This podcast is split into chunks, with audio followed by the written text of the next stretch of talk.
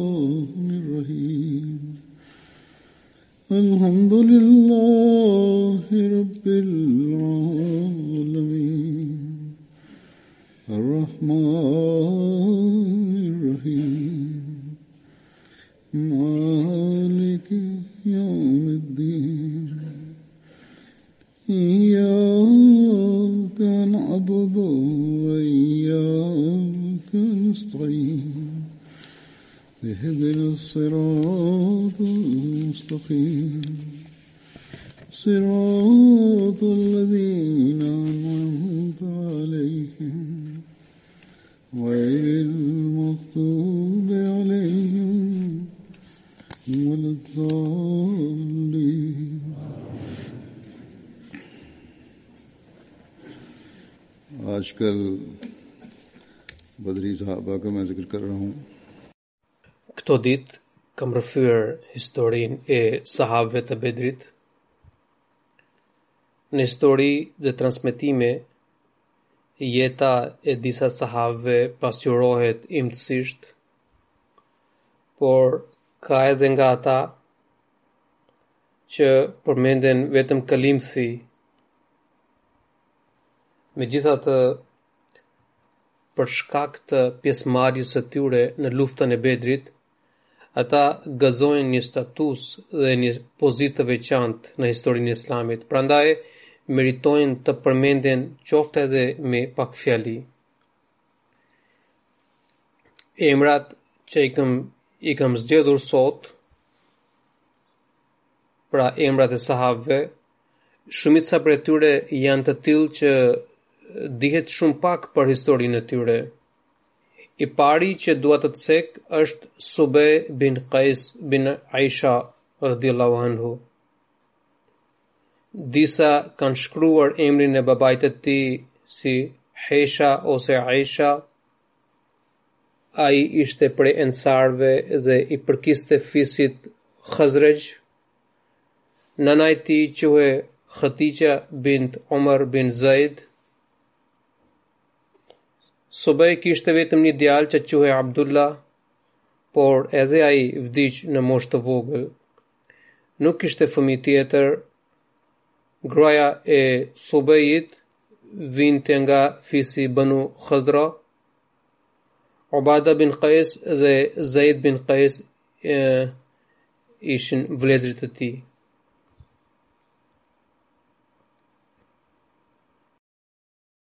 Hazret Anis bin Qatada radhiyallahu anhu u martirizua në luftën e Uhudit. Sipas disave, emri i tij ishte Enes, por kjo nuk është e vërtetë. Muhammad bin Ishaq dhe Muhammad bin Omer gjithashtu kanë shkruar emrin e tij si Anis. Në fushën e Bedrit, ai luftoi trimërisht kundër mosbesimtarëve bashkë me të dërguarin e Allahut sallallahu alaihi wasallam, ndërsa ra dëshmor në luftën e Uhudit. Sipas një transmetimi, ai ishte martuar me bashkë me Khensa bint Hidam radhiyallahu anhu.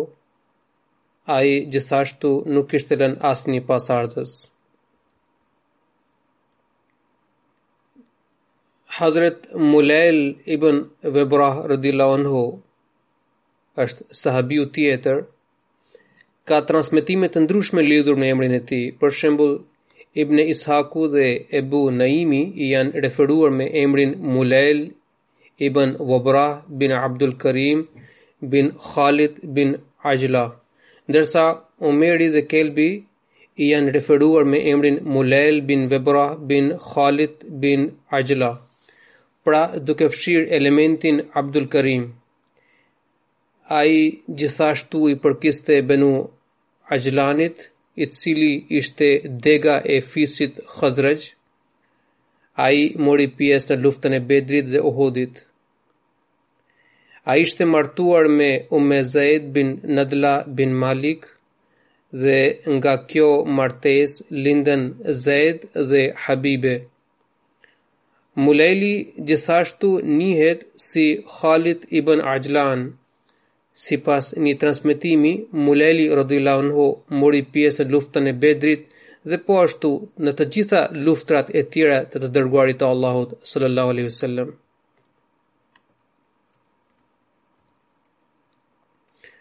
Hazret Nofel ibn Abdullah bin Nëdlah rëdillahu anhu u martirizua në luftën e Uhudit.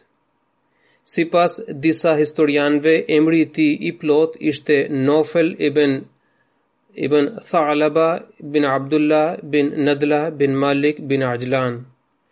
Ai mori pjesë në luftën e Bedrit, ndërsa ra dëshmor në luftën e Uhudit.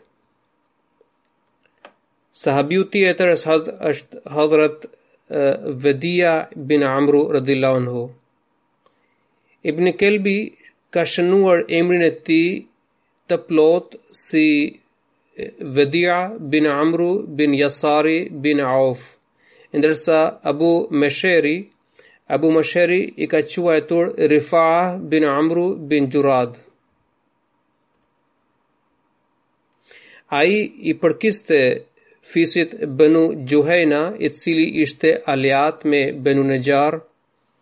Vedia bin Amru, rëdila anhu, mori pjesë në luftën e Bedrit dhe Uhudit. Hazret Rabia ibn Amru ishte vëllai i tij. Pastaj është sahabiu tjetër, Hazret Jezid bin Munzir, rëdila anhu.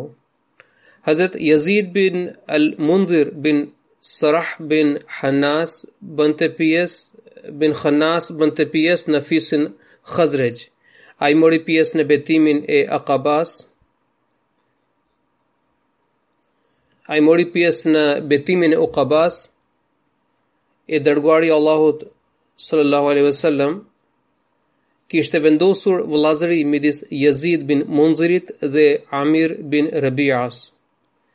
Yazidi radhiyallahu anhu kishte marrë pjesë në luftën e Bedrit dhe Uhudit. Kur ndërroi jetë, ai nuk kishte lënë asnjë pasardhës.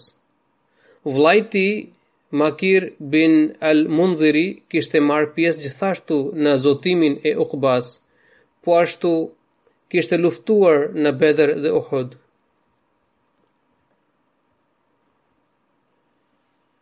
Sahabiu tjetër është Hazret Kharija ibn Khumair al-Ashjari radhiyallahu anhu. Historia tregon emra të ndryshëm që i atribuohen këtij sahabiu,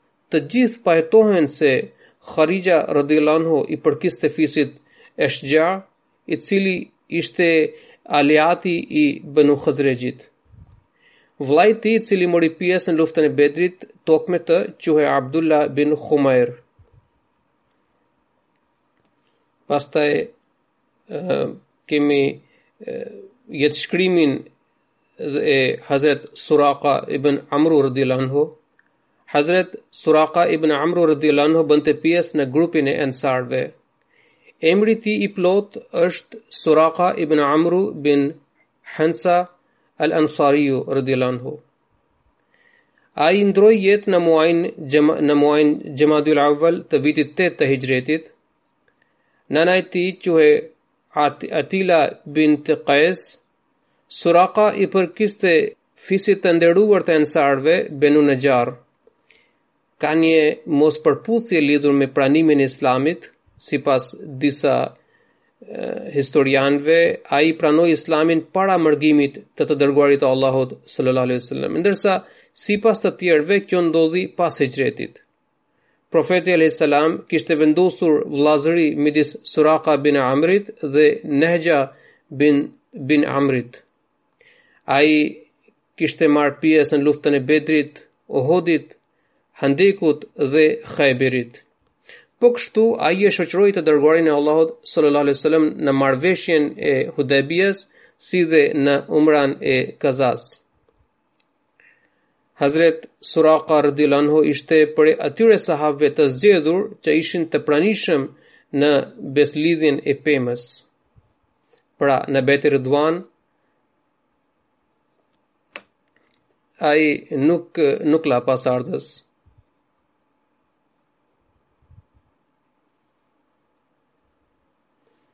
Dhe ai kishte ndërruar jetë në vitin e tetë të hixhretit në luftën e Mautas. Sahabiu tjetër është Hazret Abad bin Qais radhiyallahu anhu, Ai gjithashtu kishte ndërruar jetë në vitin e 8 të Hixhretit në luftën e Mautas. Ka një mospërputhje lidhur me emrin e tij. Ai përmendet edhe si Ubada bin bin Qais bin Aisha, ndërsa emri i gjyshit të tij shënohet edhe si Absha. Hazret Abadi ishte xhaxhai i Abu Dardait, Abadi radhiyallahu anhu ishte bashkëluftëtar i të dërguarit të Allahut sallallahu alaihi wasallam në luftën e Bedrit, Ohudit, Handekut dhe Hajberit. Ai ishte i pranishëm edhe në marrëveshjen e Hudajbies dhe ishte martirizuar në luftën e Mautas. Sahabiu tjetër është Hazret Abu Zayyah bin Thabit bin Nu'man radhiyallahu anhu. Hazret Abu Zayyah bin Thabit bin Nu'mani radiallahu anhu ndërroi jetë në vitin e shtatë të Hixhretit. Sipas një transmetimi, emri i tij i plotë ishte Omer bin Thabit bin Nu'man bin Umayya bin Imru al-Qais. Ndërsa në një burim tjetër ai shënohet si Nu'man bin Thabit bin Imru al-Qais. Megjithatë, ai njihet më shumë me nofkën e tij Abu Zayyah. Ai mori pjesë në luftën e Bedrit, Uhudit, Handekut dhe në marrëveshjen e Hudebijës. Ai u martirizua në vitin e 7 të Hijretit, pas një pas sulmit të një çifuti i cili e goditi me një mjet të mprehtë duke ia çarë kokën.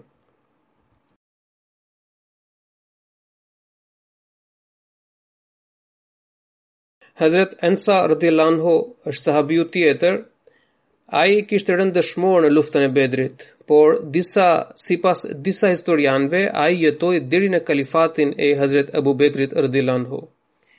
Ai ishte një skllav me ngjyrë i cili ishte liruar nga i dërguari i Allahut sallallahu alaihi wasallam.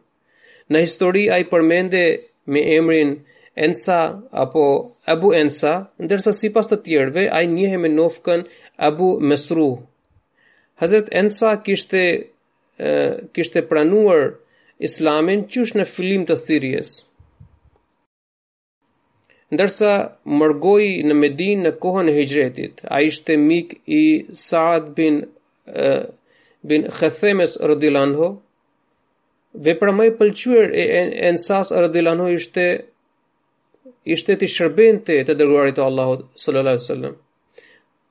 Pra i pëlqente t'i shërbente profetit sallallahu alajhi wasallam, kishte një besnikëri të skajshme, të skajshme ndaj profetit alajhi wasallam, saqë i kërkonte leje edhe për t'u ulur, pra edhe kur i duhej të të të, të ulej, ai kërkonte leje prej profetit sallallahu alajhi wasallam.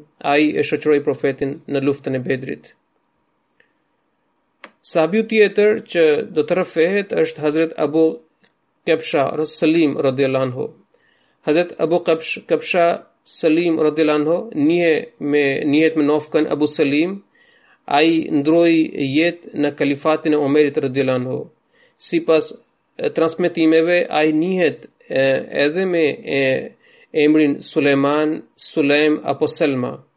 Ai ka qenë një, një skllav persian derisa e çliroi i dërguari i Allahut sallallahu alaihi wasallam.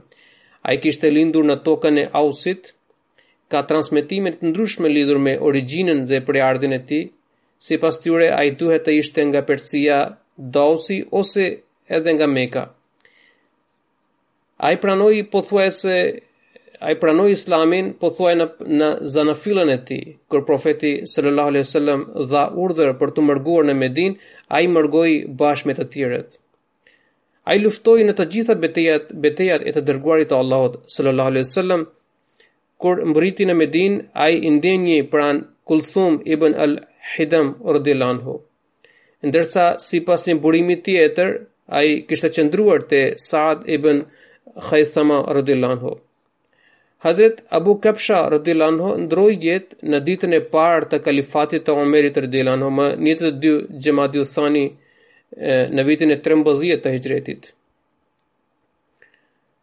Sahabiu tjetër i cili do të rrëfehet është Hazrat Marsad ibn Abi Marsad. Hazrat Marsad ibn Abu Marsad radhiyallahu anhu ndroi jetë në vitin e 3 të Hijretit. Ai ishte Bedriu, pra kishte marrë pjesë në luftën e Bedrit, qe aleat me Hamza bin Abdul Mutlebin dhe kishte luftuar bashkë me babanë e tij, pranoi Islamin në periudhën fillestare dhe kishte mërguar në Medinë pak para luftës së Bedrit. I dërguari i Allahut sallallahu alaihi wasallam kishte vendosur vëllazëri midis tij dhe Hazrat Aus bin Samitit radhiyallahu anhu.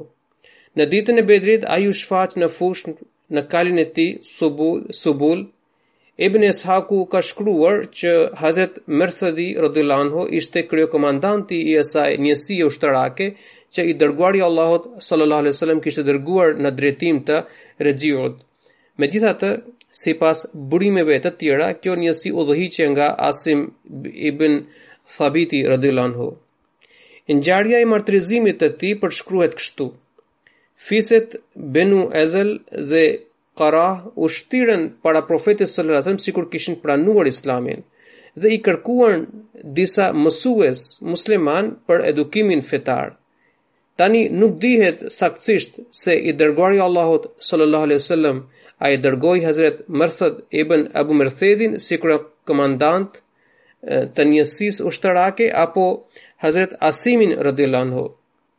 Kur mbërritën këta në vendin Rexhi, mosbesimtarët e Benu Hezilit i zhveshën shpatat. Ata deklaruan që nuk duam t'ju ekzekutojmë, por thjesht duam t'ju të të marrim duam t'u marrim shpërblesë banorëve të Mekës. Ne zotohemi që do t'ju mbrojmë jetën Hazret Mersedi radhiyallahu anhu, Hazret Khalid radhiyallahu anhu dhe Hazret Asim radhiyallahu anhu nuk besuan fjalët e mosbesimtarëve dhe dhanë jetë duke luftuar. Hazret Abu Marsad ibn As bin Al-Husayn Al-Ghanawi radhiyallahu anhu. Ai ndroi jetë në vitin 12 të Hijretit, ai njihej edhe me epitetin Abu Hasan Ai kishte prejardhje nga Siria. Ai gjithashtu pranoi Islamin në fillim dhe pas lejes së mërgimit ai u shpërngul në Medinë. I dërguari i Allahut sallallahu alaihi wasallam krijoi vëllazëri midis Abu Mersedit dhe Ubada bin Samit radhiyal bin Samitit radhiyallahu anhu. Kur Abu Mersedi dhe djali i tij Mersedi radijallahu anhu mërguan në Medinë, ata qëndruan në shtëpinë e Kulthum binul Hadam radijallahu anhu. Ndërsa sipas disa burimeve, ata dy kishin qëndruar pranë Hazrat Saad bin Husajmit radijallahu anhu. Hazrat Abu Marsadi radijallahu anhu shoqëroi të dërguarin e Allahut sallallahu alaihi wasallam në të gjitha betejat e tij. Abu Marsadi radijallahu anhu shquhej në historinë e Islamit Kur Hazret Hatib bin Abu Belta'a radhiyallahu anhu, për të shpëtuar familjen e tij në Mekë, për të shpëtuar familjen e tij në Mekë, kishte shkruar një letër drejt banorëve të Mekës për t'i paralajmëruar ata për planin e profetit sallallahu alaihi wasallam për të sulmuar Mekën, I dërguari i Allahut sallallahu alaihi wasallam ishte lajmëruar nga veprimi i Hazrat Hatibit. Prandaj ai menjëherë nisi tre kalorës, tre kalorës për të ndaluar atë grua që mbante këtë letër. Këta sahabë përmbushën misionin e tyre dhe zbuluan atë letër. Pra ndaluan atë grua dhe zbuluan atë letër. Një prej këtyre kalorësve ishte Hazret Abu Marsad radhiyallahu anhu.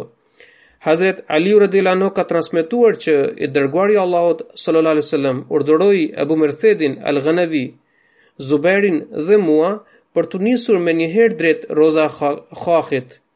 Ai gjithashtu na tha që aty do të gjenim një grua prej idhujtarëve e cila ka fshehur letrën e Hatib bin Abu Beltaa drejt idhujtarëve të Mekës.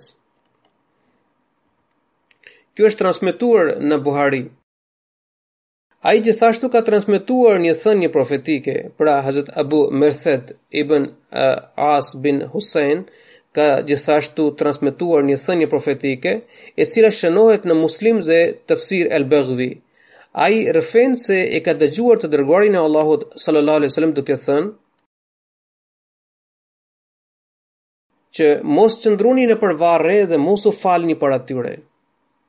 Ky sahabi, ky sahab ndërroi jetë në kohën e kalifatit të Abu Bekrit radhiyallahu anhu në vitin 12 të Hijretit në moshën 66 vjeçare.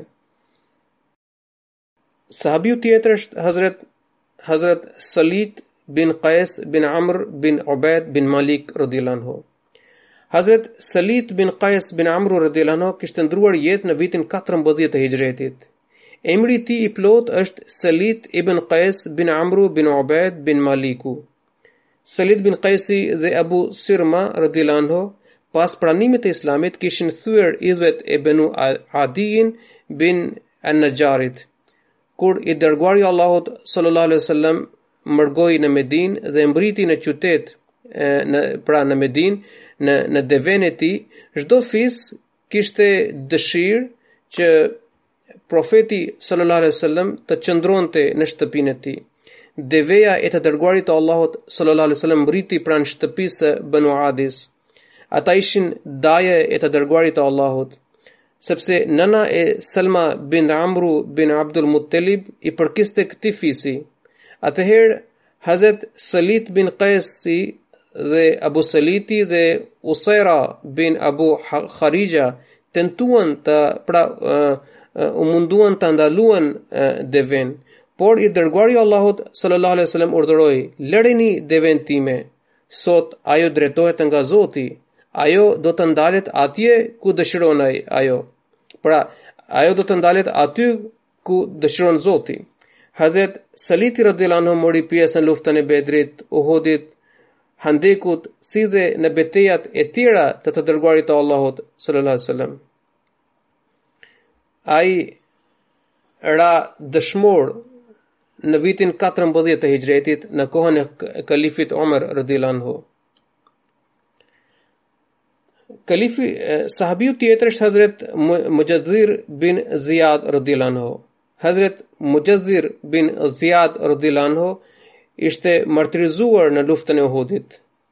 Al-Mujaddhir ishte nofka e tij që do të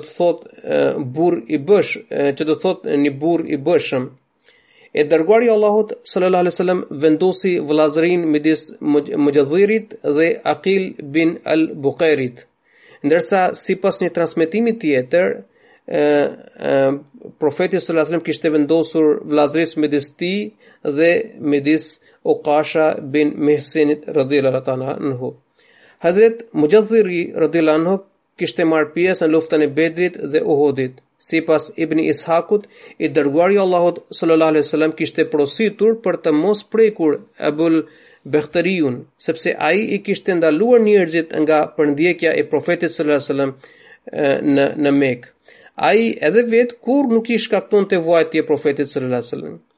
Ai ishte prej atyre njerëzve të paktë, të cilët kundërshtuan marrëveshjen e Kureshëve për të vendosur embargo ndaj Benu Hashimit dhe Benu Mutelibit.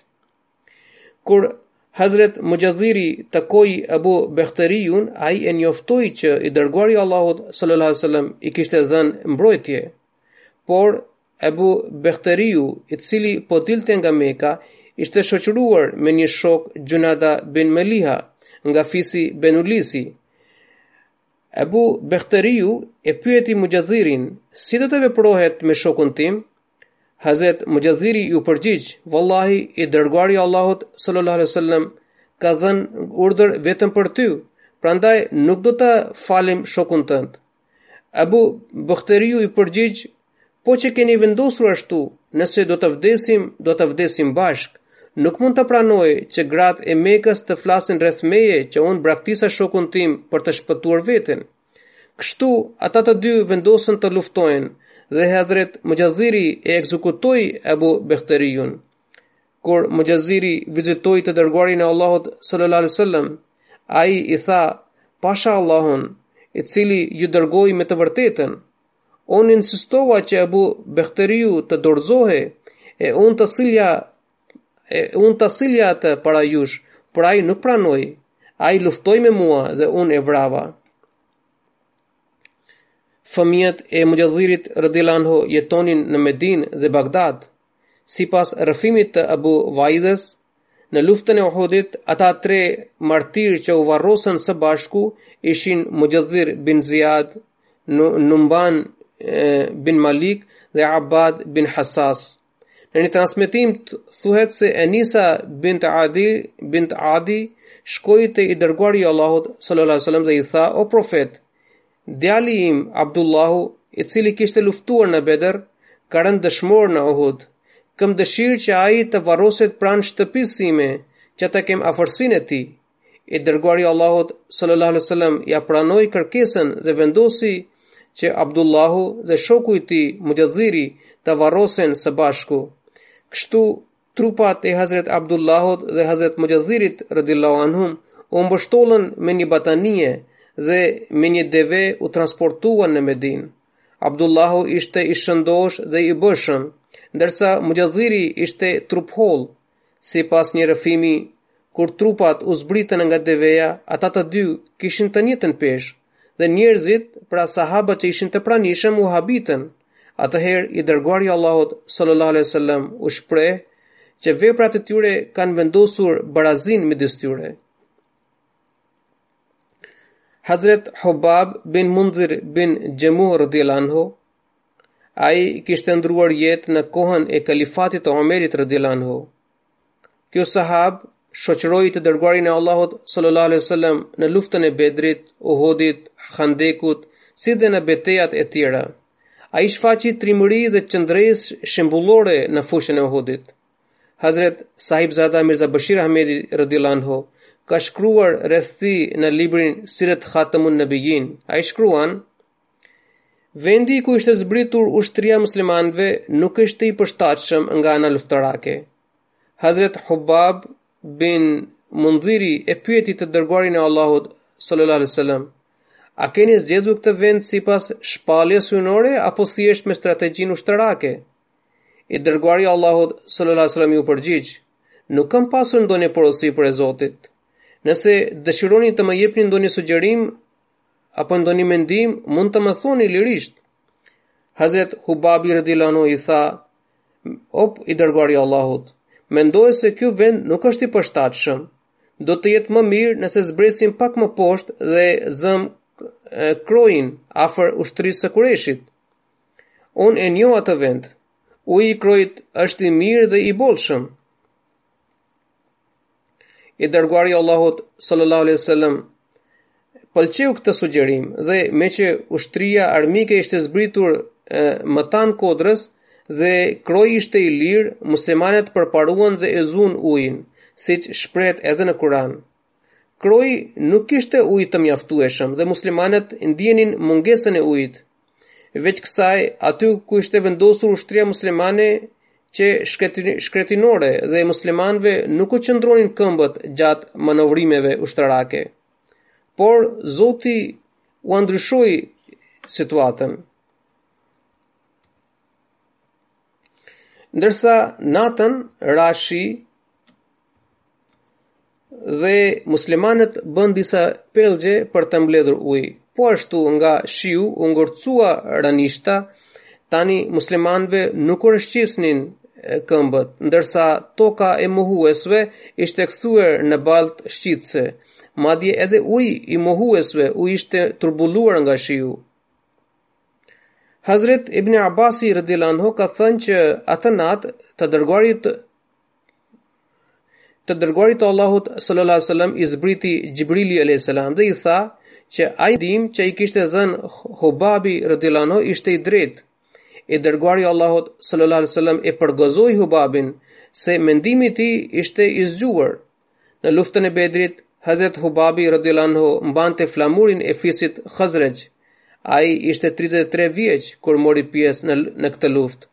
Hazret Mirza Bashir Ahmedi radhiyallahu anhu ka shkruar në veprën e tij Sirat Khatamun Nabiyyin rreth kësaj ngjarjeje. Ai shkruan: Kur i dërguari i Allahut sallallahu alaihi wasallam mësoi përmes lajmtarëve për afrimin e ushtrisë së kureshve, ai menjëherë dërgoi Hubab bin Mundhirin radhiyallahu anhu, një prej sahabëve të tij, që të mësonte numrin dhe forcën e armikut. Ai gjithashtu e kishte porositur që nëse armiku do të ishte më i madh në, në numër dhe fuqi dhe situata dukej e rrezikshme për ushtrinë muslimane, atëherë ai duhet të fliste me nuk duhet të fliste me askënd, por ta njoftonte vetëm profetin sallallahu alajhi wasallam kur ai do të ishte i vetëm. Me qëllim që të mos përhapej panik në ushtrinë muslimane, Hazret Hubabi radhiyallahu anhu shkoi fshehurazi dhe brenda pak kohe ia përshkroi, ia përshkroi profetit sallallahu alaihi wasallam gjithë situatën e palës kundrështare. Jahja bin Saadi radhiyallahu anhu ka transmetuar që i dërguari i Allahut sallallahu alaihi wasallam u kërkoi besimtarëve mendim lidhur me çështjen e Banu Qurayzas dhe Banu Nazirit, pra të këtyre dy fiseve hebre.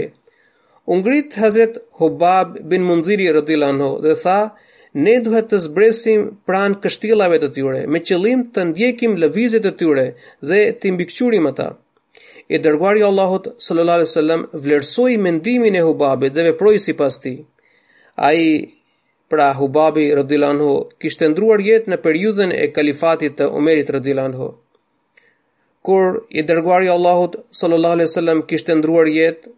Muslimanët, muslimanët u përballën me një situatë të papër të paprashikuar. Në atë kohë, Hazrat Abu Bekri radhiyallahu anhu me shumë zgjuarsi dhe largpamësi i qetësoi muslimanët. Ai së pari madhëroi Zotin e Lartësuar dhe mandej tha ai që ka adhuruar Muhammedin le të di se ai ka ndërruar jetë. Dhe ai që adhuronte Allahun le të di se Zoti Allahu është i gjallë, i përjetshëm. Pastaj ai lexoi këtë ajet, Innaka mejjitun wa innahum mejjitun. O Muhammed, sigurisht që ti do të vdesësh një ditë dhe ata gjithashtu do të vdesin.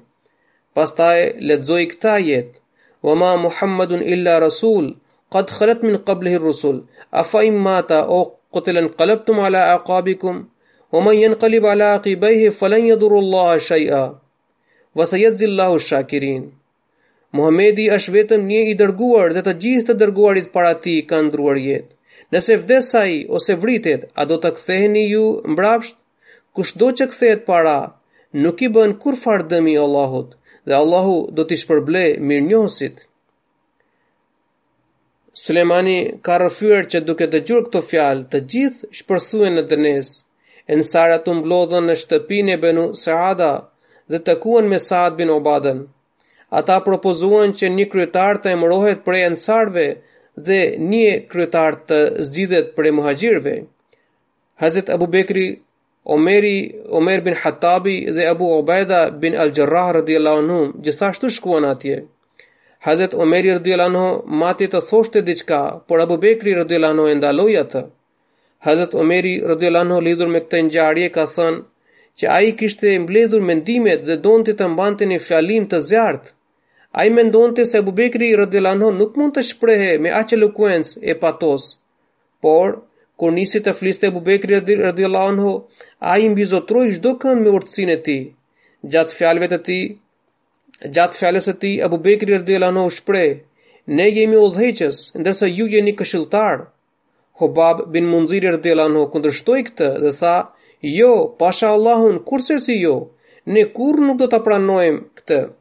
Një lider do të zgjidhet nga Kurejshët dhe një lider dhe dhe një lider do të zgjidhet nga Ensarët. Pra, një nga muhaxhirinët dhe një nga Ensarët. Hazrat Abu Bekri radhiyallahu anhu tha, "Jo, Udhëheqës jemi ne, kurse ju jeni këshilltarë. Kurejshët kanë epërsi mbi të gjitha fiset e tjera. Nga prejardhja ata janë arabët më të vjetër. Prandaj bëjini bejt Omerit apo Abu Ubejdas. Hazret Omeri radhiyallahu anhu e kundërshtoi këtë dhe tha, o Abu Bekër, ne ju bindemi, ju jeni udhëheqësi ynë, ju jeni më i miri ndër ne dhe i dërguari i Allahut sallallahu alaihi wasallam ju ka dashur më shumë se çdo kënd. Me të thënë këto fjalë, Omeri radhiyallahu anhu e shtrëngoi dorën e Abu Bekrit dhe bëri bejt. Pas tij, të gjithë iu bindën Abu Bekrit radhiyallahu anhu dhe u zotuan para tij. Hazrat Hubab bin Munziri radhiyallahu anhu ka transmetuar një hadith të famshëm. Ai rrëfen se Hazrat Xhibrili alayhis salam i zbriti të dërguarit të Allahut sallallahu alaihi wasallam dhe i tha: "Cilën do ta pëlqeni për veten o profet?" që të qëndroni në këtë botë afër shokëve tuaj apo të ktheheni te Zoti juaj drejt premtimeve të kopshteve me dhunti të pashtershme. I dërguari i Allahut sallallahu alaihi wasallam i pyeti sahabët, "Më thoni mendimin tuaj?" Ata iu përgjigjën, "O i dërguari i Allahut, na pëlqen të qëndroni pranë nesh." që të na lajmëroni rreth dobësive të kundërshtarëve, të kërkoni ndihmë Allahut kundër tyre dhe të na mësoni nga dituria hyjnore. I dërguari i dërguari i Allahut sallallahu alaihi wasallam mu drejtua mu drejtua mua dhe tha o Hubab, çfarë ke? Përse nuk flet? Atëherë i thash o i dërguari i Allahut, zgjidheni atë që ka pëlqyer Allahu për ju. Atij i pëlqeu mendimi im. Sahabiu tjetër është Hazret Rifa bin Rafi bin Rafi bin Malik bin Ujlan radhiyallahu anhu. Hazret Rifa bin Rafi bin Maliku radhiyallahu anhu ishte ndër sahabët Ansar. Ai ndërroi jetë në fillim të sundimit të Hazret Amir Muawiyes radhiyallahu anhu. Ai njihej edhe me nofkën Abu Muadh, që ishte pra emri i djalit të tij. Nana e tij quhej Umme Malik bin Abi bin Selul, e cila ishte motra e kryetarit të hipokritëve Abdullah bin Abi bin Selul. Hazret Rifa Rifai radhiyallahu anhu mori pjesë në zotimin e pemës. Pra në besëlidhjen e pemës, ai e shoqëroi të dërguarin e Allahut sallallahu alaihi wasallam në të gjitha betejat e tij, përfshirë luftën e Bedrit, Uhudit dhe Handekut. Ai mori pjesë në bejtin Ridvan, pra në besëlidhjen e pemës dhe kishte edhe vëllezër Halad bin Rafi dhe Malik bin Rafi. Pra kishte edhe dy vëllezër. Djali i tij, Hazret Muazi radhiyallahu anhu ka transmetuar nga babai i tij, pra nga Hazret Rifa bin Rafi radhiyallahu anhu, se ai dhe babai i tij ishin ndër sahabët e Bedrit. Hazret Xhibrili alayhis salam erdhi te i dërguari i Allahut sallallahu alaihi wasallam dhe i tha, "Çfarë pozite u jepni sahabëve të Bedrit ndër muslimanët e tjerë?" Profeti alayhis salam u përgjigj, "Musliman të shkëlqyer." Xhibrili alayhis salam i tha, "Kështu edhe ata engjëj janë të shkëlqyer që morën pjesë në luftën e Bedrit." Kjo është transmetuar në Buhari. Si kishin marrë pjesë engjëjt në këtë luftë? Hazret Sayyid Zainul Abidin Shah Sahibi ka shpjeguar këtë çështje në komentimin e tij të Buhariut. Ai shkruan: Allahu i Madhërishëm ka thënë në Kur'anin Famëlart,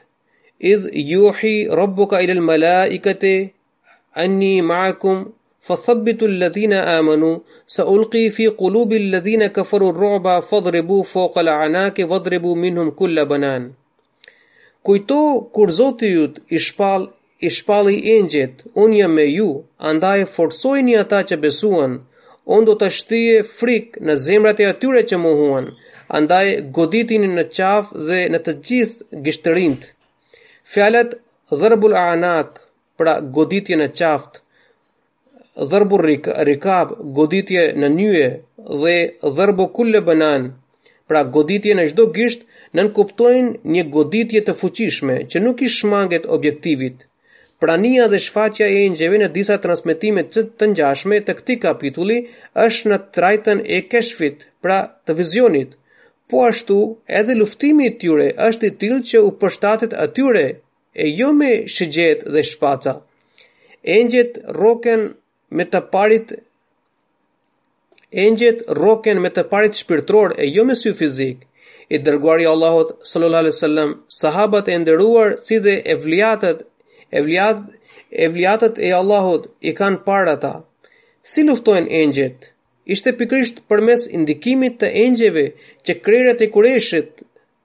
U tërbuan aq shumë nga ngjarja e Nahlës, saqë kjo ngjarje u bë shkaku i luftërave pasardhëse, në të cilat u vërtetua dekreti i Allahut për shkatërrimin e mohuesve kurejsh.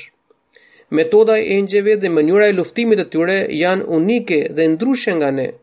Vendosja e armikut rrëzë kodrës në një rrafshnaltë shkretërinore, ndërsa zbritja e të dërguarit të Allahut sallallahu alaihi wasallam në luginë të ulët, Fshehtësia e sasisë së vogël të muslim, numrit të vogël të, mus, të ushtarëve muslimanë nga vështrimi i armikut, grumbullimi i reve dhe rënia e shiut, goditja precize e çdo objektivi nga shigjetat e sahabëve që rezultonte fatale për kundërshtarin, shfaqja e kaosit dhe rrëmujës në radhën e armikut,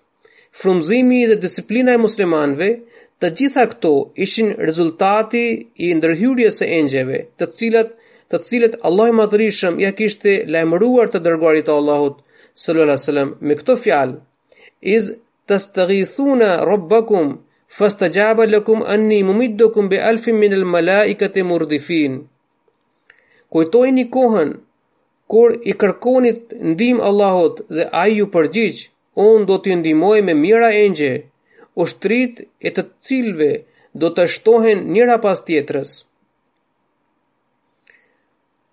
Vërshimi i mjeteve fizike që u shkaktua nga pranimi i lutjes profetike ka një bashkërenditje të çuditshme dhe të habitshme dhe një shqyrtim i vëmendshëm i të gjitha elementeve tregon që një ushtri e pallogaritshme e engjëjve po vepronte në prapaskenë. Kush e nxori të dërguarin e Allahut sallallahu alaihi wasallam mirë e shëndoshë nga Meka në momentin më të vështirë dhe i shtyu banorët e saj në shkujdesje të plotë? kush i ktheu mbrapsht në dëshpërim kurejshët e Mekës, pasi që e kishin gjurmuar deri në shpellën Theur? Kush e solli të dërguarin e Allahut mirë e shëndoshë në Medinën e ndritur, e cila u bë qendra e rëndësishme e zhvillimit të Islamit? Qëndrimi i Hazret Abbasit në Mekë, duke qenë idhujtar Dhembshuria e tij ndaj të dërguarit të Allahut sallallahu alaihi wasallam, informimi i vazhdueshëm i komploteve dhe intrigave dashakeqe të kurejshëve të Mekës në Medinë, të gjitha këto janë pjesë e ndikimit të engjëjve. Frymëzimi i engjëjve ka vepruar në prapaskenë pas këtyre ngjarjeve. Betejat e të dërguarit të Allahut sallallahu alaihi wasallam dhe ngadhënjimi i tij i pandalshëm paraqesin interpretimin besimshtytës të ajetit inni mumiddukum bi alfi min al malaikati murdifin. Që do të thotë, unë do t'ju ndihmoj me mijëra engjëj. Ai pra Shah Sahibi ka shkruar më tej në interpretimin dhe në shpjegimin e kësaj çështje, ai shkruan Unë kam studiuar Sahihun e Buhariut rresht për rresht nga Mevlana Nuruddin Sahib, Khalifatul Masih i parë radhiyallahu anhu. Unë kam studiuar Kur'anin disa herë me të, me dëgjim dhe këndim. Ai më tregonte se Nuruddini, pra tregonte për veten e tij, se Nuruddini ka bashkëbiseduar me engjëjt e Allahut dhe që sistemi i tyre është mjaft i gjerë. Janë caktuar engjëjt për çdo aftësi dhe fuqi të njeriut. Nëse aftësitë e të parit, të dëgjuarit, të prekurit, të menduarit, të arsyetuarit, të analizuarit nuk do të shoqëroheshin me ndihmën dhe bashkëveprimin e engjëjve të Allahut, ato do të mbeteshin të padobishme, madje edhe të dëmshme. Sigurisht, të gjitha aftësitë dhe fuqitë njerëzore funksionojnë me anë të engjëjve. Shigjeta apo plumbi mund të qëllojnë synimin nëse mendja dhe arsyeja janë të shëndosha dhe distanca është llogaritur saktësisht.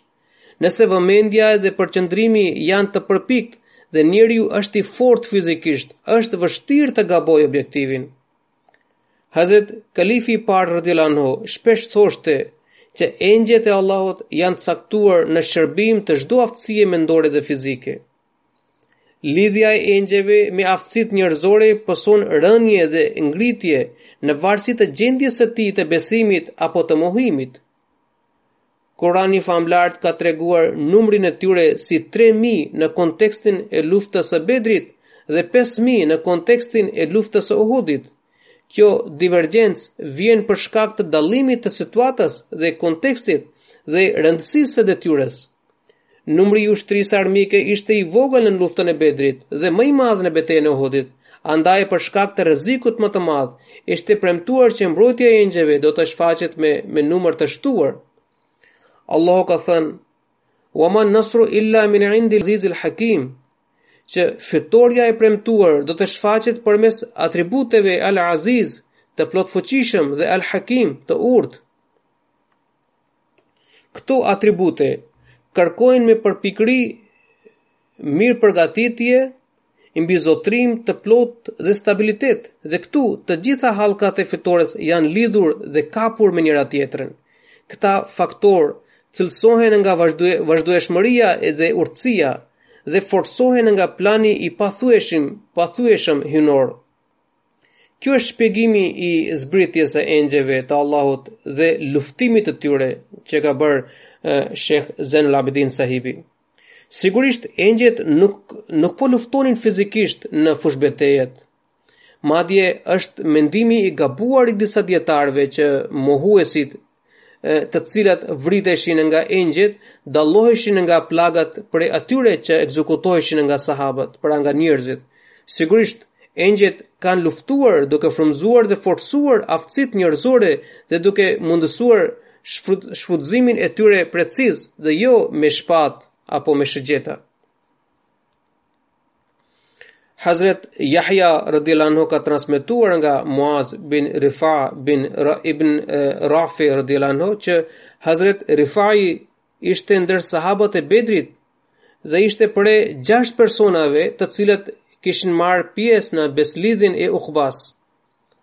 Hazret Rifai radhiyallahu anhu i kishte thënë djalit të tij Hazret Rafiut radhiyallahu anhu që fakti që kam marrë pjesë në luftën e Bedrit më gëzon më shumë sesa pjesëmarrja ime në besëlidhjen e Ukbas. Pra, për të ishte çështja më e, me krenari që ai kishte marrë pjesë në luftën e Bedrit. Hazret Rifah ibn Rafi radhiyallahu anhu kishte marrë pjesë në luftën e Xhemelit dhe Sifinit në krah të Hazret Aliut radhiyallahu anhu.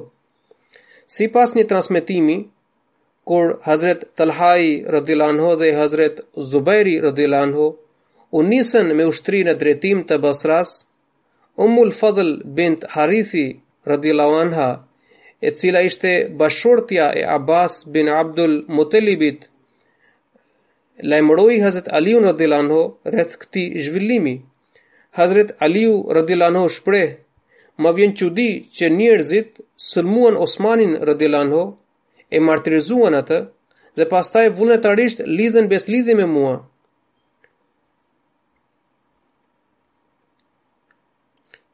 Talhaj dhe Zuberi gjithashtu bënë bejt me mua dhe tani janë nisur me ushtri në drejtim të Irakut. Hazret Rifa ibn Rafi radijallahu anhu, i cili qe i pranishëm iu përgjigj Aliut radijallahu anhu dhe tha, Kur ndërroi jetë i dërguari i Allahut, sallallahu alaihi sallam, ne kujtuam që ne ansarët ishim më të denjë për këtë kalifat, për ta pasur kalifat, sepse kishim mbrojtur dhe mbështetur profetin sallallahu alajhi wasallam dhe kishim pozitën më të lartë në fe. Megjithatë, ju thatë që ne muhaxhirët jemi të parët, ne jemi shokë dhe të afërm me të dërguarin e Allahut sallallahu alaihi wasallam. Ne ju kujtojmë Allahun që mos na kundërshtoni në trashëgiminë e të dërguarit të Allahut sallallahu alaihi wasallam. Ju dini mjaft mirë që ne kishim hequr dorë nga çështja e kalifatit dhe kurrë nuk biseduam më për këtë. Ne iu nënshtruam kalifatit dhe e mbrojtëm besnikërisht. Ne pamë që ndiqet e vërteta, zbatohet libri i Allahut dhe vendoset praktika e të dërguarit të Allahut sallallahu alaihi wasallam. Dhe nuk kishim zgjedhje tjetër veçse të pajtoheshim me të. Ne nuk kërkonim asgjë më tepër se ato. Prandaj ne lidhëm besëlidhje me ju dhe më nuk u tërhoqëm prej saj. Por tani ju kanë kundërshtuar ata që nuk kanë asnjë lloj epërsie ndaj jush, dhe ju jeni më të pëlqyer se ata, prandaj na jepni urdhër se çfarë duhet të bëjmë. Teksa po fliste Hazret Rifa bin Rafi, radijallahu anhu, hyri edhe Haxhaxh bin Ansari dhe tha, o prijësi i besimtarëve, kjo çështje duhet zgjidhur pa humbur kohë, mos pafsha kurrë qetësi në jetë, në i trembem, në i, në i trembem vdekjes. O grupi i ansarëve, mbështetni tani prijësin e besimtarëve, ashtu siç kishit përkrahur herën e parë të dërguarin e Allahut sallallahu alajhi wasallam. Pasha Allahun, kjo mbështetje do t'i përngjajë përkrahjes së mëparshme, megjithatë ajo e para gëzon epërsi, pra mbështetje ndaj profetit sallallahu alajhi wasallam. Hazret Rifa ibn Rafi ndërroi jetë në kohën e sundimit të Hazret Amir Muavijes radijallahu anhu. Tani do ta shtjelloj një, një ngjarje të cilën e kisha rrëfyer në fjalimin e kaluar, duke folur për jetën e Hazret Amarit radijallahu anhu, kisha treguar që Hazret Amr ibn Al-Asi kishte shumë keqardhje dhe hidhërim për vdekjen e tij, për martirizimin e tij, sepse Hazrat Amr ibn al-Asi radhiyallahu anhu kishte dëgjuar profetin sallallahu alaihi wasallam që Amar bin Yasiri radhiyallahu anhu do të martirizohet nga grupi rebel apo nga grupi kryengritës. Hazret Amr ibn al-Asi ishte i brengusur sepse merrte anën e Amir Muavjes dhe Hazret Amari ishte martirizuar nga ushtarët e Amir Muavjes. Shpeshherë ngrihet një pyetje që derisa Amir Muavja bënte pjesë në grupin e kryengritësve, përse ai përmendet me nderim dhe i kushtohet një pozitë të veçantë, i kushtohet një pozitë e veçantë në literaturën e xhamatit. Së pari, Sahabët gëzojnë një pozitë aq të lartë, saqë nuk na takon neve të shprehemi se cili sahab do të mëshirohet nga Zoti dhe cili jo. Kjo çështje i takon Zotit të Lartësuar. Çfarëdo arsyeje apo keqkuptimi mund të ketë shkaktuar këtë ngjarje të rëndë në historinë islame, muslimanët kanë hequr pasojën e saj. Kjo pyetje ka ekzistuar edhe në mendjen e atyre që kanë përjetuar këtë kohë, që kanë ekzistuar në këtë periudhë, ata me siguri duhet të ishin drejtuar Zotit për t'ua larguar brengën që u kishte ngjarë. Të dy qenë sahabët e të dërguarit të Allahut sallallahu alaihi wasallam dhe tashmë i kishin shpalur luftë njëri-tjetrit, pra Hazrat Aliu dhe Hazrat Amir Muawiya radhiyallahu anhum. Ata i drejtoheshin Allahut për udhëzim në këtë mesele dhe ai me siguri ua qetësonte zemrat. Sipas një transmetimi, Abu Duha ka thënë që Amr ibn Shergjili, Abu Maisara radhiyallahu anhu, i cili ishte ndër nxënës të shkëlqyer të Hazrat Abdullah ibn Masudit radhiyallahu anhu, kishte parë në ëndërr një kopsht të bukur ku qenë vendosur disa çadra dhe aty ndodhej Hazrat Amar bin Yasir radhiyallahu anhu dhe Hazrat Dhul Qala al Al-Himeri Ebu Shurebil Ebu Ebu Shurebil radhiyallahu anhu Ebu Mes Ebu Mesera radhiyallahu anhu pyeti si ka ngjarë kjo Ata kishin luftuar kundër njëri-tjetrit dhe iu përgjigj ata e gjetën Zotin e tyre Gjithëfalës dhe Mëshirëplotë, prandaj janë bërë bashkë atje në xhennet. Këto çështje i takojnë Allahut dhe nuk na takon të lejojmë kësisoj çështjesh apo përçarjesh të na rrënjosen në mendje. Ngurtësia e këtyre çështjeve në mendje dhe luftrat në përgjithësi zgjeruan hendekun e ndasisë midis muslimanëve. Ata që shohim sot është rrjedhoja e këtyre shkaqeve. Duhet të nxjerrim mësim nga kjo gjendje. Duhet t'i përgjigjemi bashkimit dhe t'i flakim nga mendja gjërat që mbjellin përçarje. Një herë, duke iu referuar kalifit të dytë të Mesihut të Premtuar alejhi selam, kisha rrëfyer një ngjarje të Amir Muavijes, Dhe dikush nga vendet arabe më shkroi që përse i isha referuar me nderim Amir Muavijës, përderisa ishte prisi i kryengritësve dhe, dhe grupit masakrues. Duhet t'i them këtij pyetësi që rrëfimi i mëparshëm i ëndrrës duhet t'i mjaftojë si përgjigje. Falja dhe mëshira e Allahut janë gjithëpërfshirëse. Në vend që t'i kritikojmë të tjerët, duhet të kushtojmë vëmendje për të rregulluar raportet tona dhe për të përmirësuar gjendjen tonë. Mesihu i Premtuar alejhi selam gjithashtu në disa vende ka cekur emrin e Hazret Amir Muavijes radhiyallahu anhu duke ia njohur meritat. Prandaj në vend që të diskutojmë gabimet e të parëve tanë, ne duhet të nxjerrim mësim prej tyre. Histori historia ka shënuar një ngjarje interesante lidhur rreth Hazret Amir Muavijes që gjatë kohës kur gjatë kohës kur ai kishte shpallur luftën ndaj Hazret Aliut radhiyallahu anhu dhe mosmarrëveshjet midis tyre ishin thelluar dhe kishin arritur kulm, një mbret i krishterë deshi të hidhej në sulm ndaj muslimanëve, duke përfituar nga nga gjendja kaotike e muslimanëve dhe nga dobësia e tyre. Kur Amir Muavia mësoi rreth këtij plani të këtij sundimtari, ai menjëherë ia përcolli mesazhin dhe i tha: "Nëse me të vërtetë ke kurdisur këtë plan, do të mendohesh mirë sepse komandanti i parë që do të luftojë kundër teje me flamurin e Hazret Aliut do të jem unë. Allahu na mundësoftë të jemi gjithmonë të bashkuar, t'i qëndrojmë besnikrisht këtij uniteti dhe përparojmë në virtyte dhe vepra të mira.